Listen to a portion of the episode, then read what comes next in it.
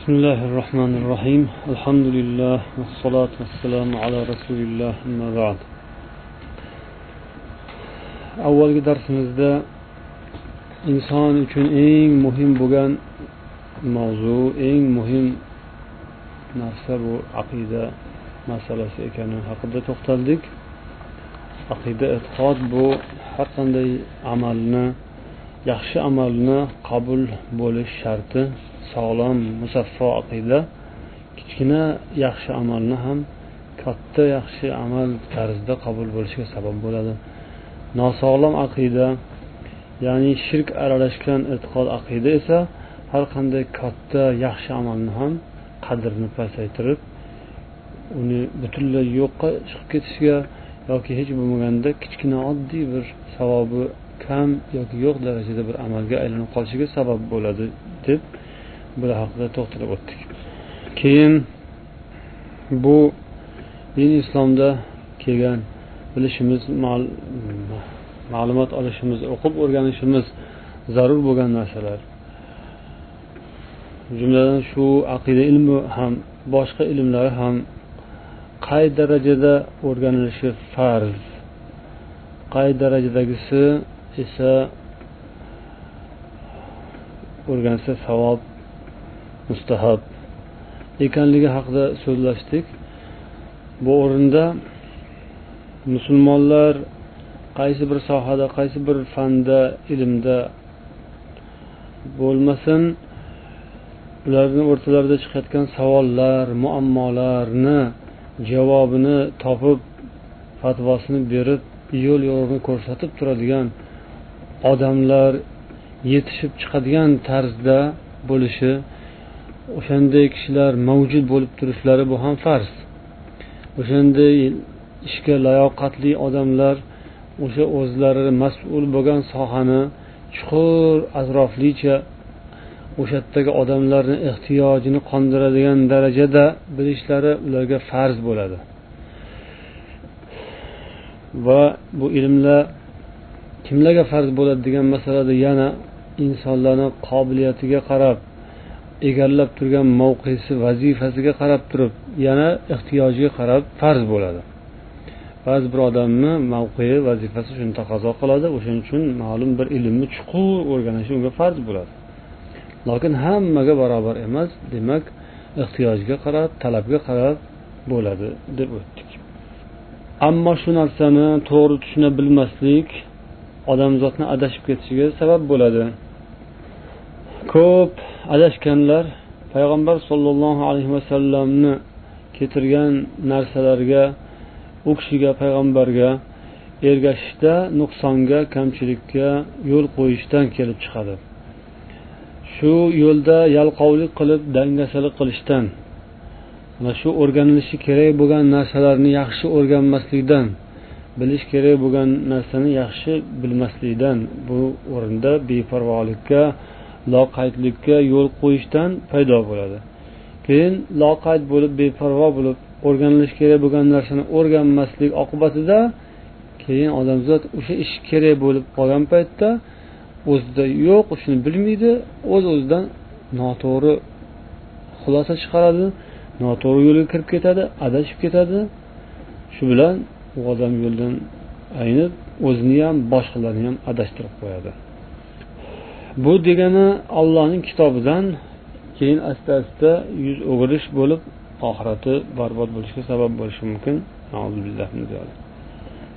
Alloh toha surasida bir yuz yigirma uchinchi bir yuz yigirma oltinchi oyatlarda kimki mani yuborgan hidoyatimga ergashsa bu hech qachon baxtsiz bo'lmaydi. Bu dunyosi ham u dunyosi ham obod degan mazmunda nasihat qilib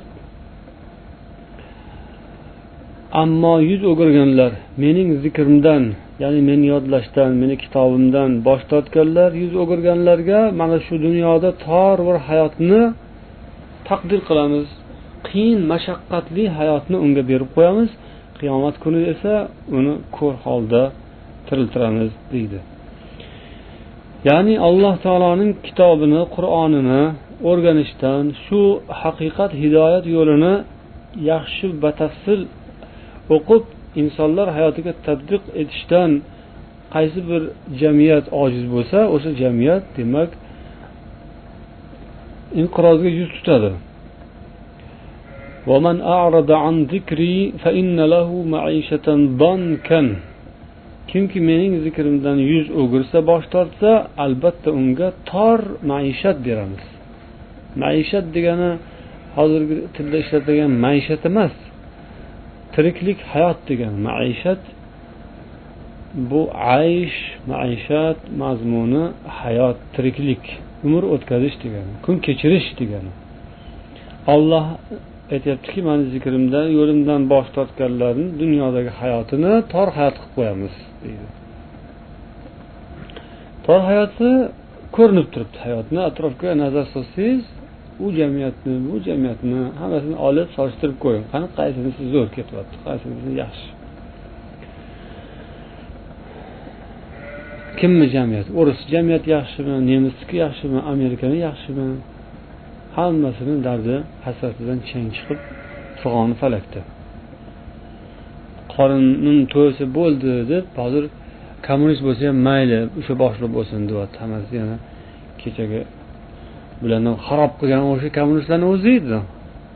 Yoki bugungi kunda e, qorni to'ymay egni butib bo'lmagani uchun yana o'sha kommunist yaxshi bo'lsa kerak deb u yoqqa qarab intilyapti. Xullas kalom bu ollohni zikridan bosh tortganlarni hayotini biz shunaqa qilib qo'yamiz degan ollohni o'zi so'zi bor edi kitobida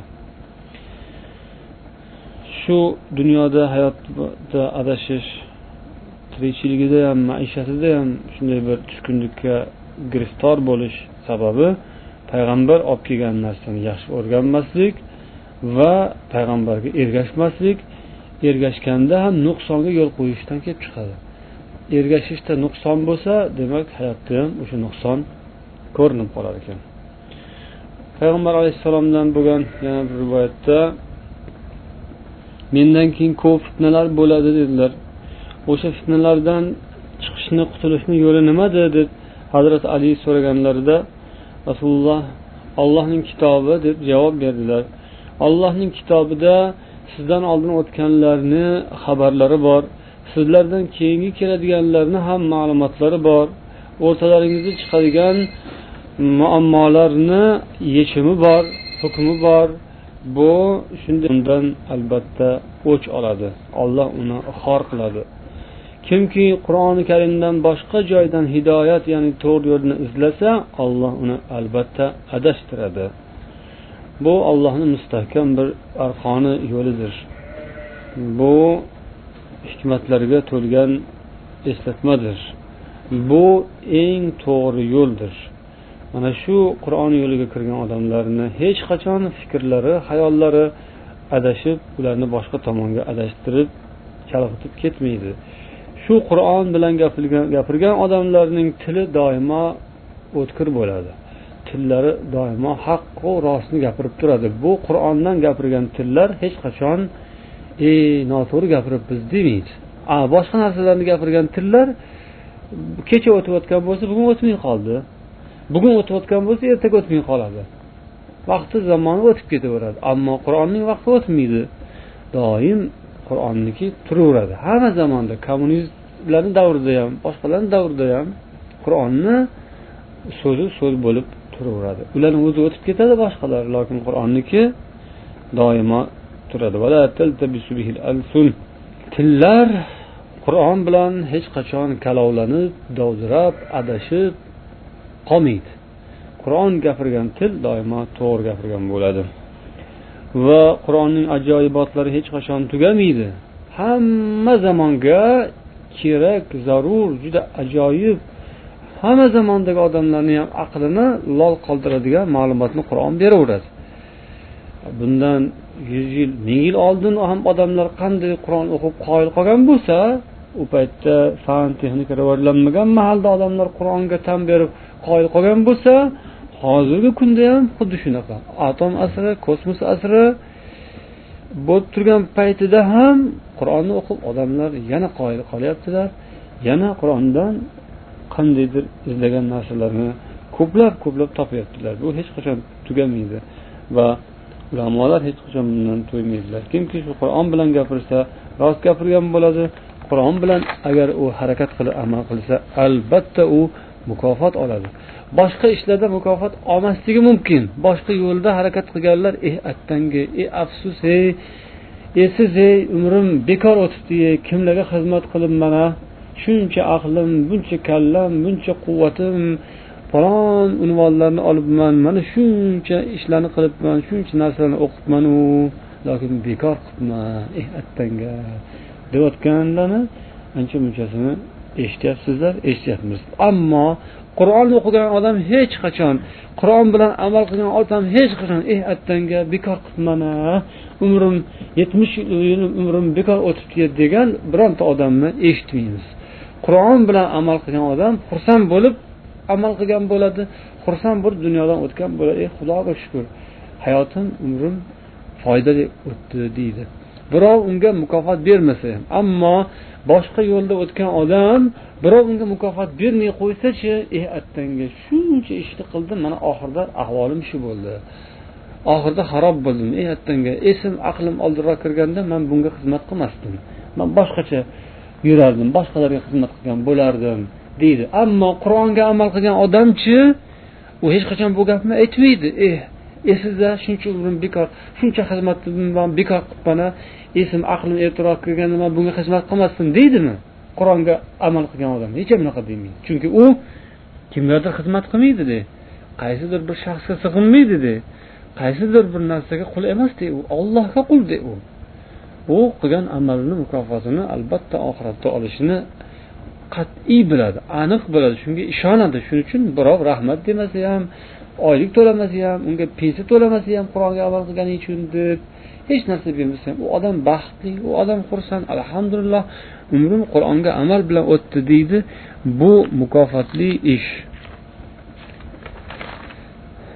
Kimki qur'on bilan hukm yurgizgan bo'lsa hukm chiqargan bo'lsa u eng odil hukm chiqargan bo'ladi. Kimki shu qur'onga chaqirsa u o'zi ham to'g'ri yo'lga boshlab qo'yiladi deb rasulullohdan rivoyat bo'lyapti.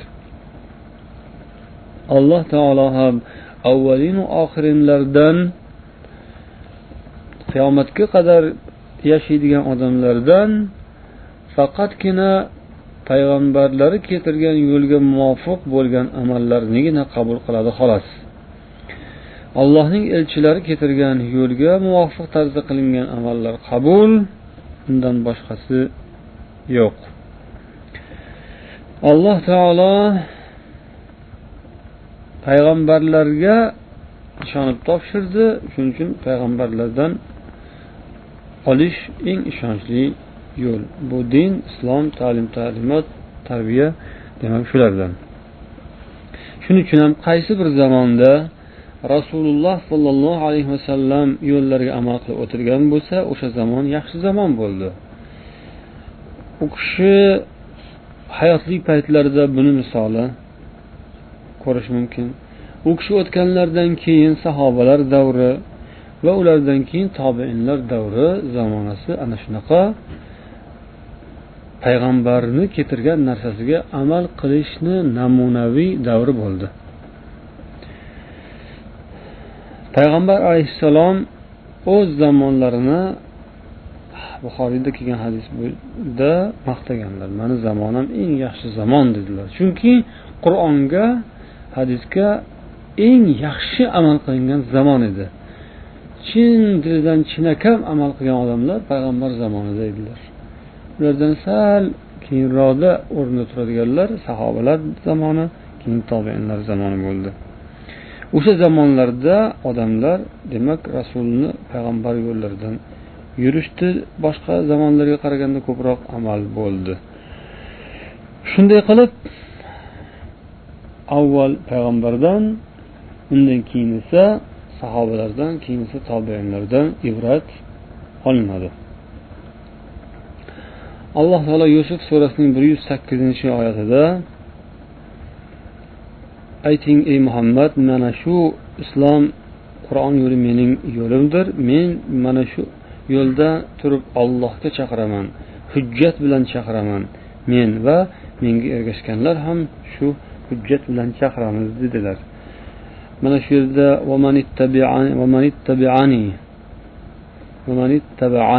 menga ergashganlar ham hujjat bilan chaqiramiz deganlarida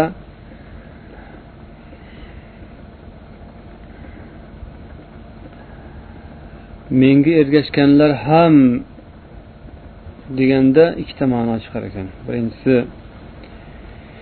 men va menga ergashganlar ollohning yo'liga chaqiramiz degan ma'no chiqsa payg'ambarni sahobalari ham allohga chaqiruvchilar ekanliklariga rasululloh o'zlari va alloh guvohlik bergan bo'lar ekan. Agar men hujjat bilan chaqiryapman degan nuqtaga bog'lasak atf qilsak unda menga ergashganlar ham hujjat bilan chaqiryaptilar ollohni yo'liga degan ma'no chiqar ekan. Shunday qilib demak payg'ambarga ergashgan kishilar hujjatli kishilar degan ma'no chiqadi. Payg'ambar sollallohu alayhi vasallam o'zlari olloh yuklagan vazifani sharaf bilan bajo qildilar. Yetkazdilar. Mana shunday qilib u zamonlarning yaxshisi o'tdi. Undan keyin keyingi zamonlar keldi va undan keyin esa odamlar asta asta eh, bu yaxshi zamondan uzoqlashgandan sari to'g'ri yo'ldan ham uzoqlashadiganlar ko'payib ketdi. Lokin bu degani hamma haq yo'ldan uzoqlashib ketdi degani emas. Balkim buxoriy muslim rivoyat qilgan hadisda لا تزال طائفة من أمتي ظاهرين على الحق لا يضرهم من خذلهم deb rasululloh bashorat bergan edilar mening ummatlarimdan bir toifa hamisha haqiqat ustida zohir bo'lib davom etib boraveradilar ularga teskari bo'lgan odamlar ularni xorlamoqchi bo'lgan odamlar ularga hech qachon zarar yetkaza olmaydilar deganlar Shunga qaraganda demak hamma davrda rasululloh zamonlaridan keyingi davrlarda ham haq yo'lni davomchilari mavjud bo'lishini payg'ambar aytdilar. Bor ekan u odamlar demak u odamlarni ichida bo'lishga harakat qilinish kerak. O'sha odamlar keyingi zamonlarda ham shu din islomni salomat saqlab qolishga harakat qildilar. Shulardan birlari deydilar mana shu aqidai tahoviya kitobining muallifi imom abu jafar ahmad ibn muhammad ibn salamatul azdiy at tahoviy degan kishi edilar. Alloh taolo u kishini rahmatiga sazovor qilsin. U kishi ikki yuzinchi yillardan keyin dunyoda yashab o'tdilar. Tug'ilishlari ikki yuz o'ttiz to'qqizinchi yilda voqea bo'ldi. Vafotlari esa uch yuz yigirma birinchi yilga to'g'ri keldi. Hijriy hisob bilan. Bular ham o'sha rasululloh sollallohu alayhi vasallam maqtagan yaxshi zamonga dohil bo'lgan olimlardan. Bu kishi o'zlarini kitoblarida o'zlaridan oldin o'tgan yaxshi zamonda u kishidan ham yaxshiroq zamonda yashab o'tgan kishilarni e'tiqodlarini aqidalarini ya'ni musulmonlar aqidasi ahli sunna va jamoa aqidasi qanday bo'lishi lozimligini shu kitoblarda bayon qildilar. Bu bayon qilish uslublari imom abu hanifa nu'man ibn sabit al kufiy rahmatulloh alayh va u kishini ikkita hamrohlari zamondoshlari yoki shogirdlari imom abu yusuf yaqub bin ibrohim al humayriy al ansoriy birlari. Ikkinchilari esa muhammad ibn hasan shayboniy rahmatullohi alayhim ajmain. Mana shularni uslublari bo'yicha mana shularni tartiblari bo'yicha ular ahli sunna va jamoani aqidasini e'tiqodini bayon qilganlar. Biz inshaalloh bu darslarimiz davomida ana shu darslik shu qo'llanma asosida ahli sunna va jamoa e'tiqodlari nimadan iborat bo'lishi kerak ko'rib o'tamiz inshaalloh.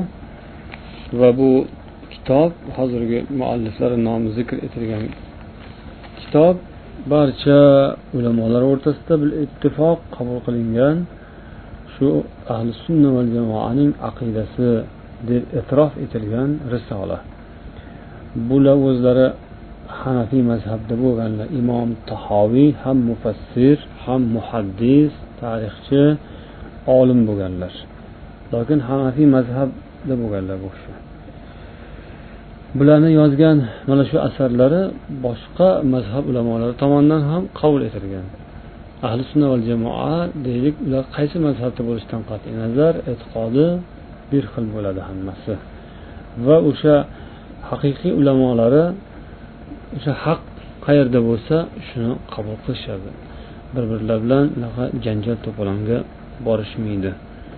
Mana bu biz inshaalloh ko'rib chiqadigan kitob. O'shalar tomonidan e'tirof etilgan hurmat qilinadigan demak tan olingan o'qib o'rganiladigan kitob.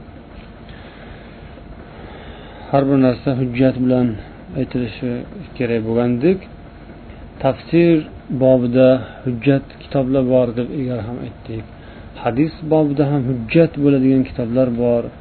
Har qanaqa narsani hadis deb gapirib bo'lmaydi masalan yoki oyatni ham mazmunini aytayotgan paytida odam o'zidan o'zi falon oyatda piston degan deyvorishi emas balkim o'sha oyatga falon tafsirda shunday ma'no berilgan degan narsaga asoslangan holda qur'onni ma'nosini aytish kerak.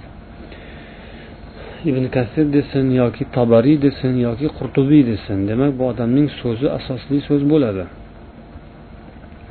Shunga o'xshab hadisni keltirayotgan odam buxoriy desin muslim desin ahmad desin termiziy desin molikning muattolari desin. Bu hujjat bo'ladi bu gap. O'shalarni ham darajalari bor. Ho'p fehdan gapirayotgan odam deylik hidoya desin yoki g'oya desin bu fiqh bobida hujjat bo'ladi bu kitoblar. Xuddi shunga o'xshagan endi e'tiqod masalasi borku bu yerda. E'tiqod masalasida ham nimani e'tiqod qilamiz? Falon masalasida desa qiyomatdagi bo'ladigan holatlar yoki azobi qabr masalasida desa yoki bo'lmasam farishtalar haqida yoki jannat haqida do'zax haqida savol javob toshu tarozi haqida yoki shafoat haqida qanday e'tiqod qilamiz? Deyilganda mana falon piston e'tiqod qilamiz. Ho'p buni hujjati nima deyilsa buning hujjati falon kitob desin piston kitob desin. O'sha falon piston kitoblar ham ko'p aqida borasida yozilgan kitoblar ham ko'p lokin shularni ichida mashhurrog'i shu aqida tahoviya aqida tahoviyani falon sahifasida yoki falon matnida shunaqa deyilgan degan so'z bu hujjat bo'ladi. Har bir narsani demak hujjati bilan dalili bilan aytish gapirish bu sizdan bizdan talab etiladigan narsa. O'shaning uchun ham demak bu kitobni biz darslik sifatida tanladik. Xudo xohlasa bunga yaxshi ahamiyat berib o'qib o'rganishinglarni tavsiya qilamiz. Ayniqsa hozirgi zamonda hozirgi kunda e'tiqod aqida masalasi yana ham muhim bir nuqtaga ko'tariladi. Chunki hozir qandaydir bir o'zgarishlar yengilliklar natijasida har xil toifalar endi bundan buyoqda ko'payib ketaveradi. Har xil oqimlar paydo bo'ladi. O'shanday vaziyatda oddiy odamlar omma odamlar shu tafsirdan ham yoki boshqa fandan ham ko'ra ko'proq aqida fanidan boxabar bo'lishlari kerak bo'ladi. Shuning uchun bu narsani ham olimlaru ham omilar barobarga e'tiqodni o'rganish zarurati judayam bir dolzarb bo'lib judayam bir keskinlashib turgan paytda yashayapmiz hozir. Shuning uchun masalan kimdir qur'onni olib mana biz endi tafsir o'rganamiz deb qur'onni masalan hali arabcha bilmaydigan odamlarga o'zbekcha ma'nosini o'qitayotgan bo'lishi ham mumkin mayli. Unga ham biz bir narsa demaymiz. Lokin qur'onni hozirgi kunda e, o'zbekchalab odamlarga tushuntirish u ham zarur lokin undan ham ko'ra zaruri mana bu. Aqidani e, e'tiqodini o'zbekchalab unga tushuntirib qo'yish bu judayam muhim deb bilyapmiz shuning uchun xudo xohlasa bu narsaga judayam jiddiy ahamiyat berishinglarni so'raymiz balkim talab qilamiz. O'tgan darsimizda biz aytgandikki har bir ilm fan har bir soha egasiga qarab o'rniga qarab turib farzi ayn bo'ladi yoki farzi kifoya bo'ladi. Ba'zi bir insonga farzi ayn o'sha narsa ba'zi bir insonga farzi ayn emas. Farzi kifoya umum insonlar. Islomiy yo'lida bir besh to'rtta odamga boshliq bo'lgan kishiga talaba chiqarib qandaydir bir yo'lga odamlarni boshlab mana shunda yurishimiz kerak mana shunday ibodat qilishimiz kerak mana shundoq yo'l tutishimiz kerak deydigan odamlar uchun buni bilish farzi aynga aylanib qoladi. Aqidani bilish e'tiqod ilmidan boxabar bo'lish ko'proq boxabar bo'lish mufassal bilish boshliqlarga farzi ayn bo'ladi. Oddiy odamlarga hammasini bilish farzi ayn bo'lmaydi. Ular umumiy tarzda yengil yengil ma'lumotga ega bo'lsalar bo'ldi. Masalan oddiy kishilar ollohni rasulni iymonni shartlarini آمنت بالله وملائكته وكتبه ورسله واليوم الآخر والقدر خيره وشره من الله والبعث بعد الموت shunga bu yengilgina yuzaki boshlang'ich ma'lumot buni har bir musulmon bilishi shart farz ayn lokin chuqurroq o'rganishichi chuqurroq o'rganishi ustozlarga talabalarga dars berayotgan ustozlarga ma'lum bir beshta o'nta odamlarga boshchilik qilayotgan qanaqasiga bo'lsa ham rahbar bo'lib boshchilik qilayotganlarga bu narsani chuqur bilish farzi ayn bo'ladi. Chunki u odamdan so'raydi uni talabalari bolalari haq qaysi nohaq qaysi qanday e'tiqod qilish kerak qanday yo'l tutish kerakligini ustozdan so'raydi. Shuning uchun ustoz bu narsaga oldindan tayyor bo'lishi kerak. Rahbar boshliq degan oldindan tayyor bo'lish kerak. Masalan ma'lum bir jamiyatda yashayotgan boshliqlar deylik direktordir kolxozni raisidir yoki boshqadir o'sha o'zini zamonasini o'zini jamiyatini siyosatini bilish kerak. U boshqasi bilmasa ham u boshliq bilishi kerak. Uni kasbi siyosatchi bo'lmasa ham u o'shani siyosatini bilishi kerak. Masalan injenerdir yoki bo'lmasam boshqadiru lokin boshliq. Qo'lida odamlar ishlaydi. O'sha boshliq o'sha vaziyatni o'sha yerdagi siyosatini ularga to'g'ri tushuntirib bera bilish kerak. O'zini kasbi mutaxassisligi boshqa bo'lsa ham. Xuddi shunga o'xshagan dinda ham musulmonlikda ham beshta o'nta odamga bosh bo'lib turgan kishi bo'lsa bu dinni ta'bir joiz bo'lsa qo'shtirnoq ichidagi siyosatini ularga to'g'ri tushuntira bilish kerak. Bu mana shu. Dinda payg'ambar uni siyosat deb tushuntirmaganlar biza hozirgi til bilan aytganimizda siyosat deymiz. Lokin payg'ambar zamonida bir og'iz ham siyosat degan so'zni ishlatmaganlar. Qur'oni karimdan biron joydan siyosat degan so'zni topmaysiz. Hadisdan ham shunaqa. Lokin o'sha odamlarni to'g'ri yo'lga boshqarib borish degan mazmunda oladigan bo'lsak e'tiqod bu aqida bo'ladi. Shu aqida ilmini e'tiqod ilmini bilish bu birinchi planga birinchi qatorga chiqib turibdi hozirgi kunda. Tafsir boshqa hadis fiqlar ham o'zini ahamiyatini hech ham yo'qotmaydi. Ularni ham bilish kerak lokin fiqni yaxshi bilib olgan odam mana uni bilmasa foydasi bo'lmay qoladi. Alloh hammamizga demak o'zi tavfiq bersin.